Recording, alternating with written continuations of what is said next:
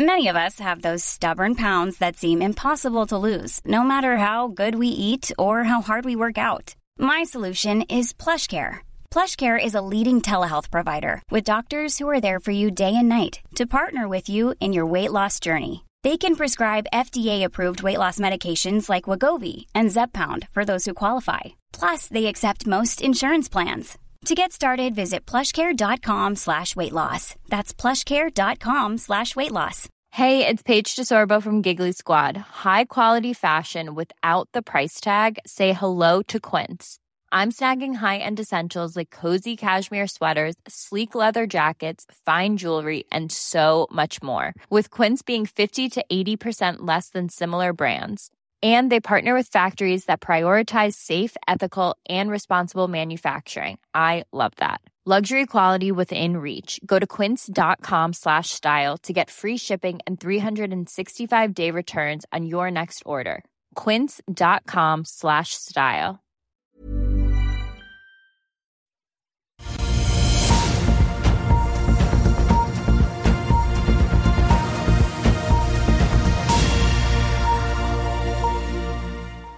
En riktig god morgen og velkommen til Børsmorgen her hos oss i Finansavisen på den onsdag 7. september. En eh, berg-og-dal-bane som endte med en kalddusj for Ola Nordmann. Ja, slik kan vi egentlig oppsummere de to første børsdagene denne uken. Hovedindeksen steg jo 0,8% på mandag, men falt tilbake hele 3,3% i går. Vi skal straks eh, kaste oss over de ferske tallene fra Flyr for august eh, måned, og hva de viser, sammen med flyanalytiker Hans-Jørgen Elnes. Men først skal vi snakke litt om markedet, for det endte jo da rødt på Wall Street i går etter at markedet i USA var stengt Eh, på mandag på Labor Day.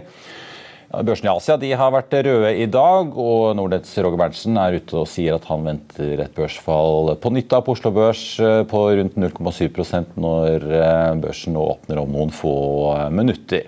Før den tid tenkte jeg bare å ta med litt mer nytt om Noreco. Styreleder Auf Rustad har gjennom Austdal-firmaet sitt kjøpt 25 000 aksjer i Noreco. Etter transaksjonen så sitter han med 200 000 aksjer. og Samtidig så viser ferske aksjonærlister at Øystein Strauss Betalen, som jo rakk å være på debatt med olje- og energiministeren i går kveld, via Takun Industrier har solgt litt over 100 000 aksjer de siste to dagene, ca. en uke etter at man altså kjøpte drøye 234 000 aksjer. og Mer om det kan du lese om på fa.no. Jeg tar det opp fordi at i går så kom Noreco med en positiv produksjonsguiding, der de øker anslagene sine både for de resterende kvartalene og 2022 som som helhet.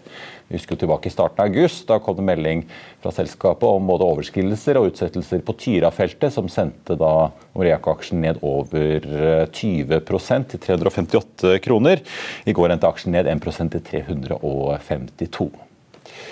Da skal jeg ha med aksjekommentator Karl Johan Månes. Og Karl Johan, eh, god morgen. Eh, ganske, hva skal vi si, en misere på Oslo Børs i går. Ganske kraftig fall i store aksjer som Equinor og tunge lokomotiver? Ja, Det er jo linket til fallet i gassprisen. og EUs energiministre møtes jo på fredag i Praha.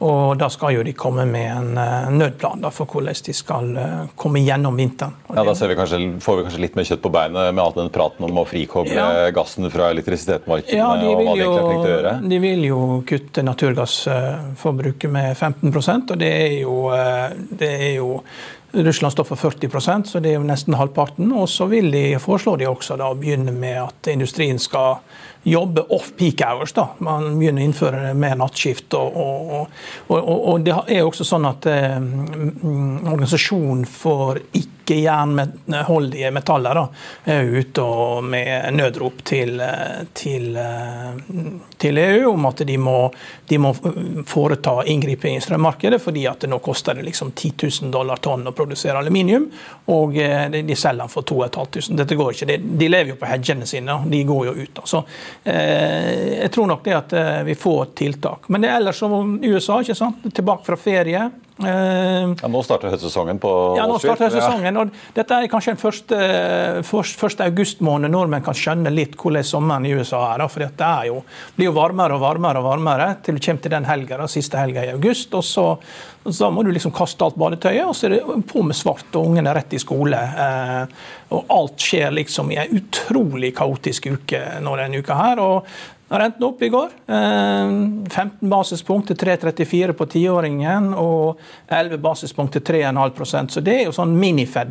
Det er jo sånn at de rentene liksom begynner å, gå opp da, for at de føler det at det ikke er kontroll på dette. Og kommer jo CPI-tall, konsumpristal neste tirsdag, og så er det rentemøte om to uker.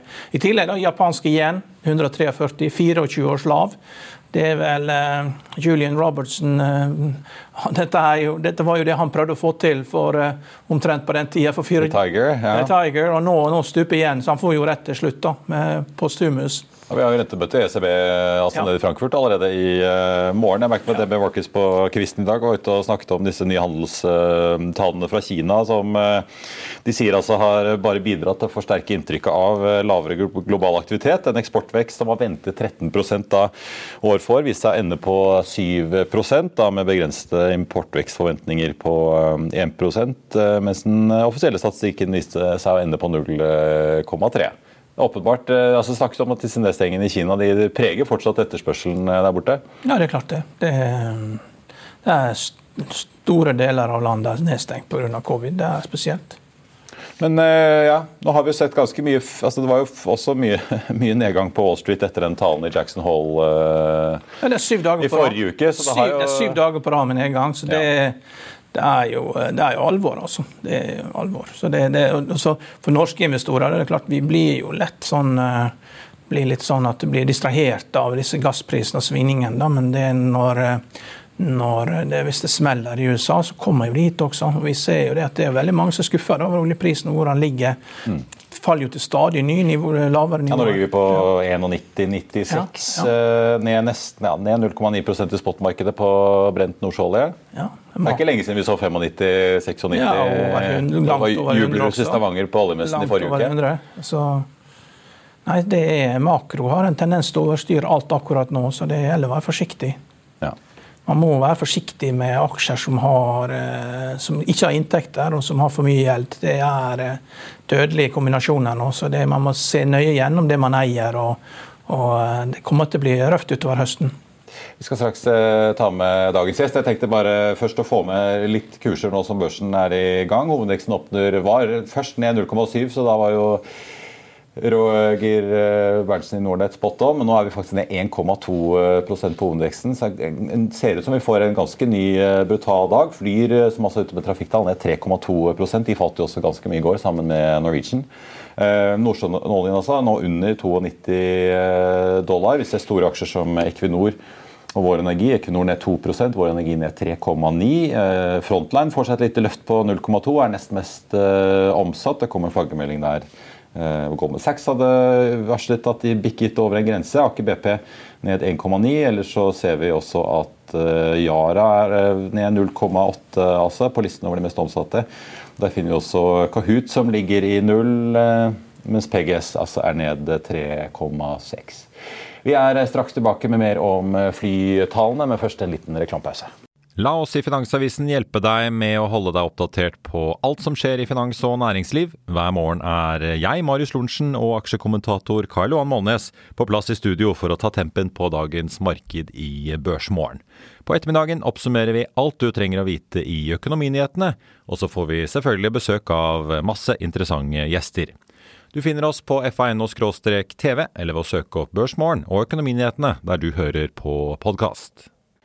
Da er vi tilbake, og vi skal kaste oss over trafikkrapporten fra Flyr og alt annet som skjer i luftfarten. For det har også kommet en ganske interessant melding fra Finner på morgenkvisten. Velkommen til oss, Hans Jørgen Elnes, flyanalytiker i Winair. Winner. La oss begynne med Flyr. Eh, trafikktallene viser jo en nedgang fra 200, drøye 60 000 til 208 000 passasjerer i, eh, fra juli da, til august. Det er jo ikke så lenge siden jeg hadde flyrsjefen Tonje Wikstrøm Frislid i studio her og snakket om at de var veldig godt fornøyd med sommeren. men begynte å se tegn på sensommeren til at uh, salget ikke gikk så bra som de håpet. Uh, I går fikk jo tallene fra Norwegian som også viste en liksom oppbremsing fra juli til august. Hvordan leser du de tallene som har kommet fra Flyr nå på morgenkvisten? Nei, de, Tallene fra Flyr og Norwegian i går de, de, stemmer veldig bra med det vi ser i makro fra bl.a. Fra, fra Avinor, hvor utenlandstrafikken nå er i en negativ trend. Og så er det innenlandstrafikken som holder eh, etterspørselen oppe. Og så har jo selskapene flyttet kapasitet fra europatrafikk og inn i innenlandsmarkedet. Og da får vi en sterkere konkurranse, og så er SAS tilbake igjen med flere seter. Og da blir flyet satt under press. Vi ser også at jeg prøvde å kompensere det litt med priser. Nå er prisnivået, enhetsprisene på juninivå. og det er nok den veien det går fremover i høst, at det blir ganske tøff konkurranse innenlands. Så får vi se hvor, hvor, hvordan dette ender. altså. Ja, ta, vi tar fyllingsgraden. Jeg ser jo Gilden falt jo hos eh, begge to. Gilden til eh, Flyr er jo ned fra 71 øre til 56. Et ganske stort fall fra, i det som egentlig fortsatt skal tross alt være en, en høysesongmåned.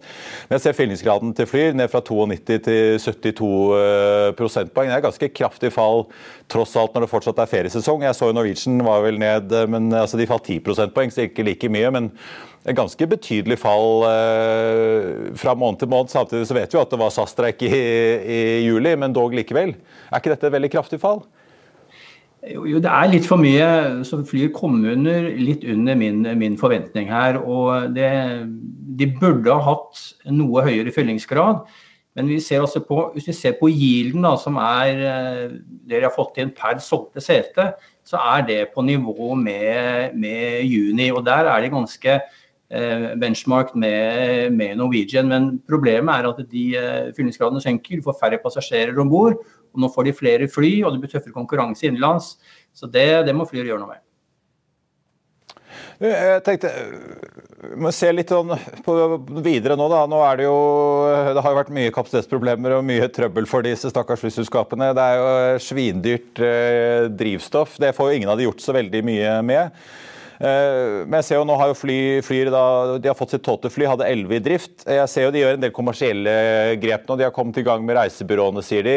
Denne Flyr pluss kundeklubben deres har vel bikket et par hundre tusen medlemmer. Denne uken var de også begynt å snakke om at de er ute nå med et eh, bedriftsprogram. Hvordan vurderer du det kommersielle produktet som Flyr nå har? Er de, er de rigget for å konkurrere, konkurrere, på linje med Norwegian og SAS, eller har de mange, en del sånne ting som fortsatt må fikses? Du kan si at Det, det Flyr gjør nå, at de, de, øker jo frekvensen på de eh, viktigste eh, rutene i, eh, i Norge. Innenlands på de store byene i Sør-Norge. Og derfor så, Når de gjør det, så kan de da gå inn i bedriftsmarkedet, som de har gjort nå med denne, denne nye portalen for, for bedriftsavtaler, som gir en betydelig rabatt i hvert fall ut dette året her. Og Da kan de jo håpe på at de får opp enhetsinntektene sine gjennom at næringslivet er villig til å betale høyere priser enn det Flyr har fått inn tidligere. Problemet for alle, her både Fly, Norwegian og SAS, er jo at flydrivstoffprisen, altså jetfuel-prisen, den er så høy og den ødelegger kostnadsbasen til, til selskapene fordi de ikke har kunnet sikret seg mot det. Normalt Marius, er jo flydrivstoff rundt 20-25% av kostnadene. Nå ligger det mellom 40 og 45 og det er, eh, For å kompensere med det, så må prisene opp, for det er ikke så mye mer å gå på, på når man ser på kostnadene X-Fuel for disse selskapene nå. Eh, Karl Johan, Det har vært to emisjoner i Flyr eh, så langt. De har egentlig pekt på en sånn koronabølge for hver gang de hadde den. De kjørte på 1,20 kr her først, og så var det Nei, I våres var det 0,95 i januar. Eh, Flyr er ikke helt tydelig på om de trenger en emisjon eh, en gang til for å komme seg gjennom vinteren. Hva tror du? Alle selskap som vokser, eh, som ikke tjener penger, trenger kapital. Så det, er, det er vi ikke, kan vi ikke utelukke det. Hva tror du, Hans Jørgen? De hadde jo disse ganske uheldige rundene med oppblomstring av pandemien som gjorde at de måtte som de sa selv, bygge opp igjen oppbygge den finansielle bufferen. Men sånn som du ser på tallene og salgsutviklingen og det du hører fra både ser fra Avinor-tall og hører fra andre i bransjen, eh, tror du Flyr vil klare seg uten et påfyll her gjennom vinteren, eller? Nei, Jeg er enig med, med Karl Johan her at vi, vi, vi Flyr må, hente, må nok hente mer kapital. Spørsmålet er, er når. Man kan gå inn i, i, dypt inn i tallene til Flyr og, og beregne litt ut ifra det vi vet fra andre kvartal, spesielt på kostnadssiden så, så, kommer bunnlinjen ut eh, kan du si, i juli. er det for så vidt eh, ikke så verst. Men ser man sant, i august, så blir, så blir, det ganske røde tall hvis, hvis, man forholder seg til den kostnaden, kasken inklusiv fuel, som var i Q2. Så blir dette her vanskelig. Da. Så de må få billettprisene, enhetsprisene opp for å kunne bremse cash burn fremover. og Klarer de ikke det, så må de hente mer kapital, tror jeg.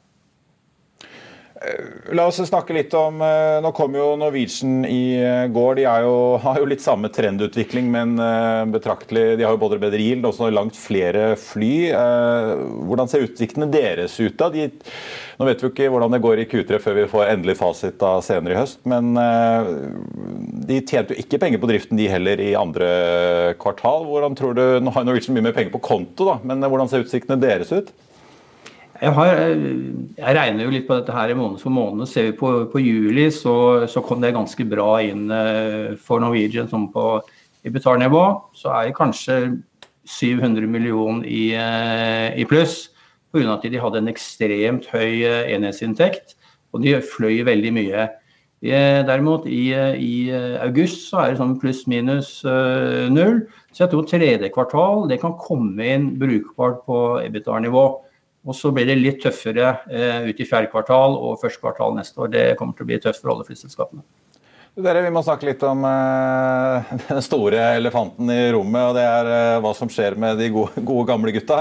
Uh, SAS er jo i chapter 11, som vi vet. Det blir jo veldig spennende å se hva domstolen i USA til slutt finner ut at de skal skjære gjennom av løsning, og hva Apollo og SAS kan bli enige om. Apollo stiller jo da med, med hva skal vi si, forbrukslånet som skal få SAS gjennom dette her. Men vi har jo fått kanskje noe å måle oss litt med nå på morgenkvisten, Hans Jørgen. Eh, og Karl Johan, eh, gjennom denne meldingen fra Finnair-sjef ja. Topi Manner, eh, som er ute og lanserer en ganske omfattende plan Karl Johan, hvor det både skal bli færre fly og lavere kostnader? Ja, Finnair bruker og har gjennomføringskraft. EBIT på minst 5% fra 2024. og ja, nærmere One World Alliance, og unit cost ned med 15% og skal fortsatt være miljøført 14 Så det er de sier jo det at det tar litt lengre. Det, er dyrere for dem når de må fly rundt Russland. da, og De linker seg nærmere opp til Qatar Airways, som er i One World Alliance, for å nå sine mål. og, og så er det samtaler med alle berørte parter for å få ned kostnadene. Så det blir jo, det blir jo et mindre Finnair også. Altså, jeg tenkte, Redusert flåte det har vi også hørt Anko Wanda statssjefen eh, snakke om. Men det er særlig to ting jeg tenkte å ta her, eh, som jeg vil høre din, eh, din take på. Altså, det ene er jo at Finner må jo da tilpasse som Karl inn på, at Russland er, det er bare stengt. Så du må fly rundt rett og slett via Gulfen. De snakker jo om at de skal nå India og Midtøsten og koble det mer med USA. Og så snakker de også om at de vurderer å outsource en del av driften sin, kabinpersonale og andre ruter for å få opp uh, lønnsomheten. Eh, hva tror du parallellen til SAS er her? Finner er jo en, en helt annen situasjon pga. eierskapet sitt. hvor Den finske staten uh, jo, er jo majoritetseieren i, i Finner. Men det er klart at uh, når krigen kom til Ukraina og russerne stengte luftrommet sitt, så ødela de jo Asia-operasjonen for Finnair. Og det var jo Finnair er, som ikke så mange vet, det, det, det er flyselskapet i Europa som har hatt flest flyruter til, til, til Kina. Uh, og da har de for mange av disse A350, uh, eh, veldig fine fly, som de må bruke til noe annet. Og de, de, må de ha ut av flåten sin. De kan ikke bruke de på, på Nord-Amerika. Det er ikke nok, nok marked for de til det. Eh, og så har de da inngått et samarbeid med, med, Qatar Airways, som er One World Partner. Og så får vi se hvordan de utvikler seg samarbeidet da, eventuelt med British Airways og IAG-gruppen. Eh, for å kunne se hvordan de kan bruke, eventuelt leie ut noen av flyene sine til disse selskapene. Men det er klart at Finner de, eh, de er i en ganske presset situasjon her. Men, men, de kommer ikke til å komme inn i noen chapter 11-situasjon, sånn som, som, SAS har gjort. For den finske staten de vil sikre Finner.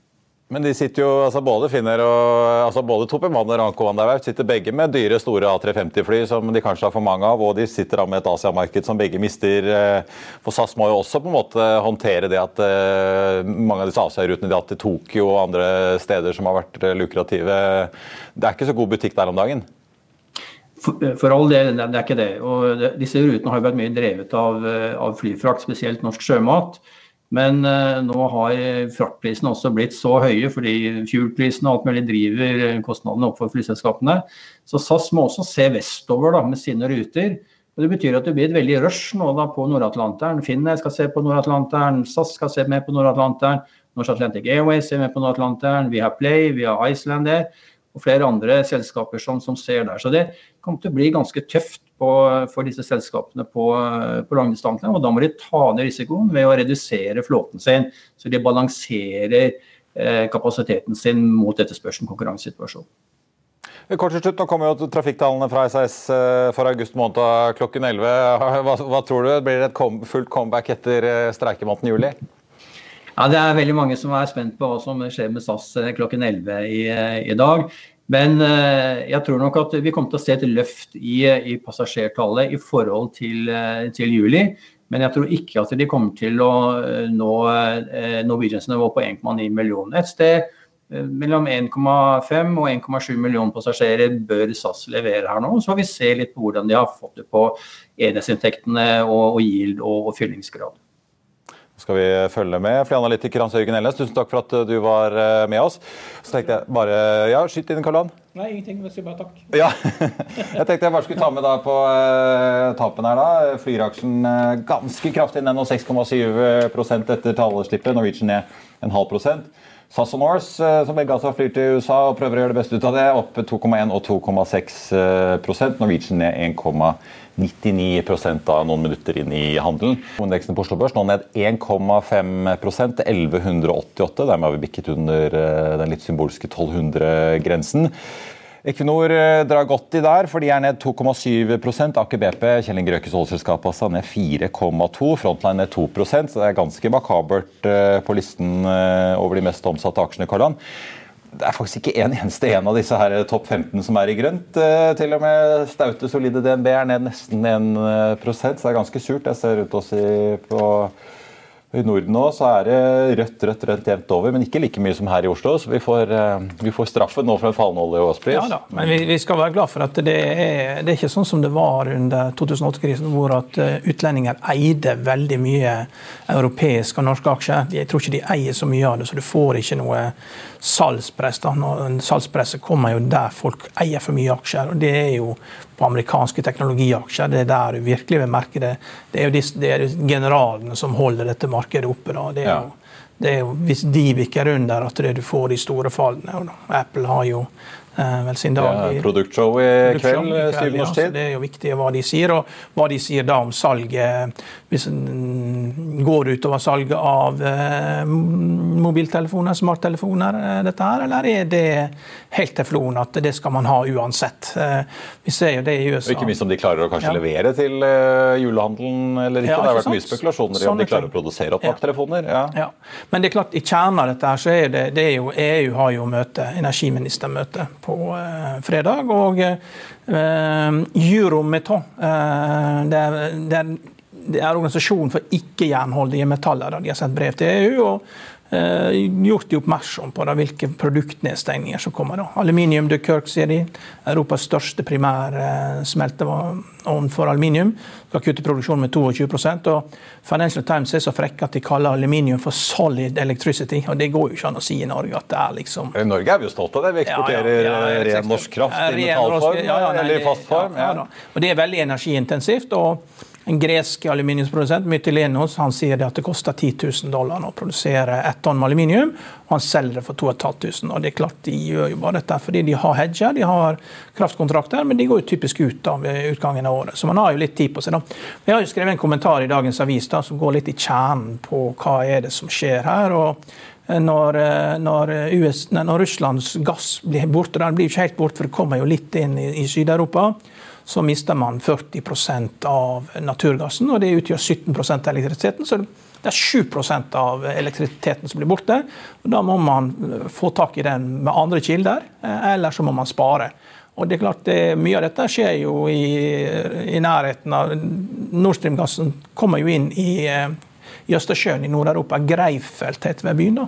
Så det ville vært veldig fristende da, å ta noen FSRU-er. da, fra, De ligger jo typisk utenfor Indonesia og Argentina. Ja, og, sånn, da, og de er jo ikke i bruk nå. Skipene som konverterer LNG tilbake? Ja, ja de, de, har jo blitt brukt. da, De har jo blitt lagt, disse byene. fordi at når du hadde OPEC 1 på midten av 70-tallet, så la, la, Vesten da gikk jo bort fra olje som brensel på kraftverk, og, og, gikk over til andre former for eh, drivstoff. Da gikk, tok bort oljen.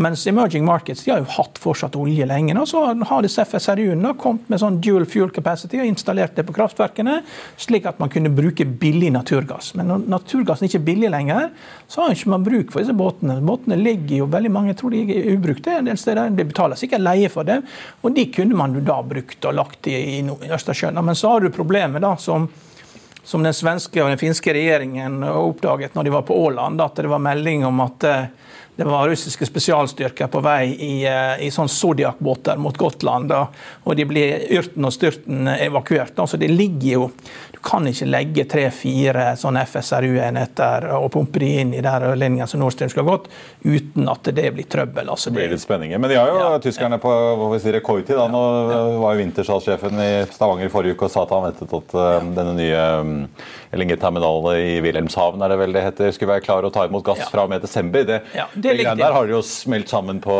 ja, omtrent ni måneder. Sånn at det, det, begynner jo å skje ting. Og, og riset bak speilet som vi sier, det er at det det man ikke klarer å få til da, gjennom andre energiformer. Det kommer jo også ny fornybar energi. Masse kull. Masse, ja, det er jo ris bak speilet. Prisen på kull, var på 400 dollar tonnen, eller hva det var. Vanligvis ligger den på 50-100. Kull er jo det som balanserer dette her. Da. Så det, man må jo appellere til folk får spare, for hvis ikke så går jo kullforbruket opp. og Det var ikke det som var meningen med dette. Men Sparingen er jo i gang. Eh, ja. Så apropos Hydro-aksjen ned 1,7 i dag. De har jo stengt i Slovakia. Ja. Yara har stengt og kuttet masse i Europa. Ja. Masse konkurrenter de har kuttet og stengt. Og... så det går jo på halv maskin. Det kan jo ikke ja. Man kommer seg kanskje gjennom vinteren, men det kan ikke holde på sånn all evighet. Da har jo ikke folk noe, de, jo, men, men, de må jo ha noen arbeidsplasser nede på kontinentet. og ja, men Samtidig er det sånn at du kan ikke ha Du, du må liksom tenke litt der. for Václav Schmiel er jo en veldig smart fyr. da, Det er jo favorittforfatteren til Bill Gates. Han har gitt ut en bok som heter 'How the World Really Works'. Den er ganske ny, og du får kjøpt den i Oslo. Veldig billig bok, også i paperback allerede. Og Han sier jo det at de tingene vi trenger, det er ammoniakk, plast, stål og sement. Og Det er jo energiintensive ting å lage. Kan de liksom ikke prise det ut av markedet, sånn at eh, fordi at eh, vi andre bruker så liten andel av vår inntekt. Dette er essensielle ting. Ammoniakk er aller viktigst. Så da, jeg vil jo si til Yara istedenfor å bruke masse penger på en 150 siders eh, konsulentrapport som Så bør du lagt til hva slags Invest og prestasjon ja, på børsnoteringen ja, i Araklin Ammonia? Ja. ja altså, bok, 'Ammoniakk er verdens viktigste ting for at et samfunn skal fungere', det er jo en 150 eh, kroners ESG-rapport som er mye bedre enn 150 sider som de sikkert betalte 5 millioner kroner for. Så, jo, så Vi trenger dette her, og det er energiintensive ting. Og, og, du er nødt til å ha et samfunn som gjør at disse industriene er lønnsomme. Og Det ligger i kjernen. Dette vet politikerne. Jeg tenkte, jeg må nesten bare nevne Flyr. altså den Aksjen har vært ned nå 9,6% på det verste. Hentet seg litt inn. Ligger fortsatt ned 6,7% Ganske brutalt for de den nye utfordrerne i det norske flymarkedet?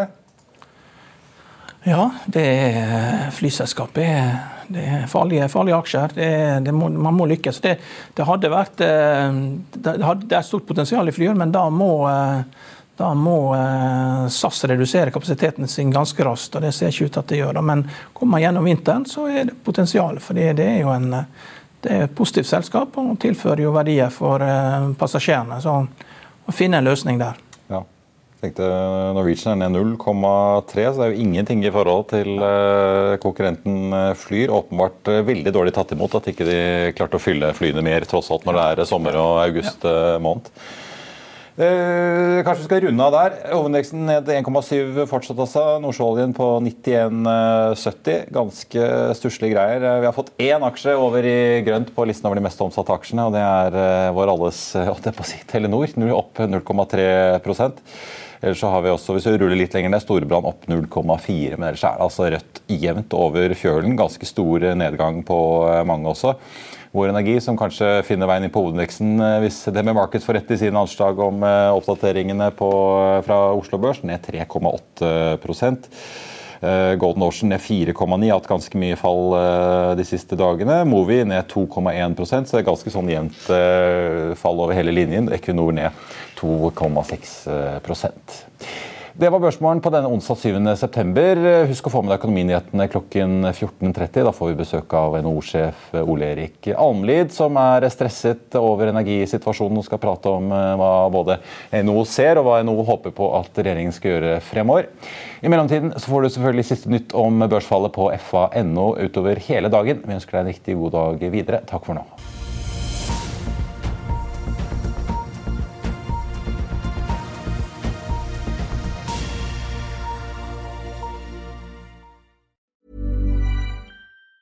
Even on a budget, quality is non-negotiable. That's why Quince is the place to score high-end essentials at 50 to 80% less than similar brands. Get your hands on buttery soft cashmere sweaters from just 60 bucks, Italian leather jackets, and so much more. And the best part about Quince, they exclusively partner with factories committed to safe, ethical, and responsible manufacturing. Elevate your style without the elevated price tag with Quince. Go to quince.com slash upgrade for free shipping and 365-day returns. Hi, I'm Daniel, founder of Pretty Litter. Did you know cats tend to hide symptoms of sickness and pain? I learned this the hard way after losing my cat, Gingy. So I created Pretty Litter, a health monitoring litter that helps detect early signs of illness by changing colors, saving you money and potentially your cat's life. Pretty Litter is veterinarian developed, and it's the easiest way to keep tabs on your fur baby's health right at home. Go to prettylitter.com and use code ACAST for 20% off your first order and a free cat toy. Terms and conditions apply. See site for details. Økonominyhetene er en podkast fra Finansavisen. Programledere er Marius Lorentzen, Stein Ove Haugen og Benedikte Storm Bamvik. Produsenter er Lars Brenden Skram og Bashar Johar. Og ansvarlig redaktør er Trygve Hegnar.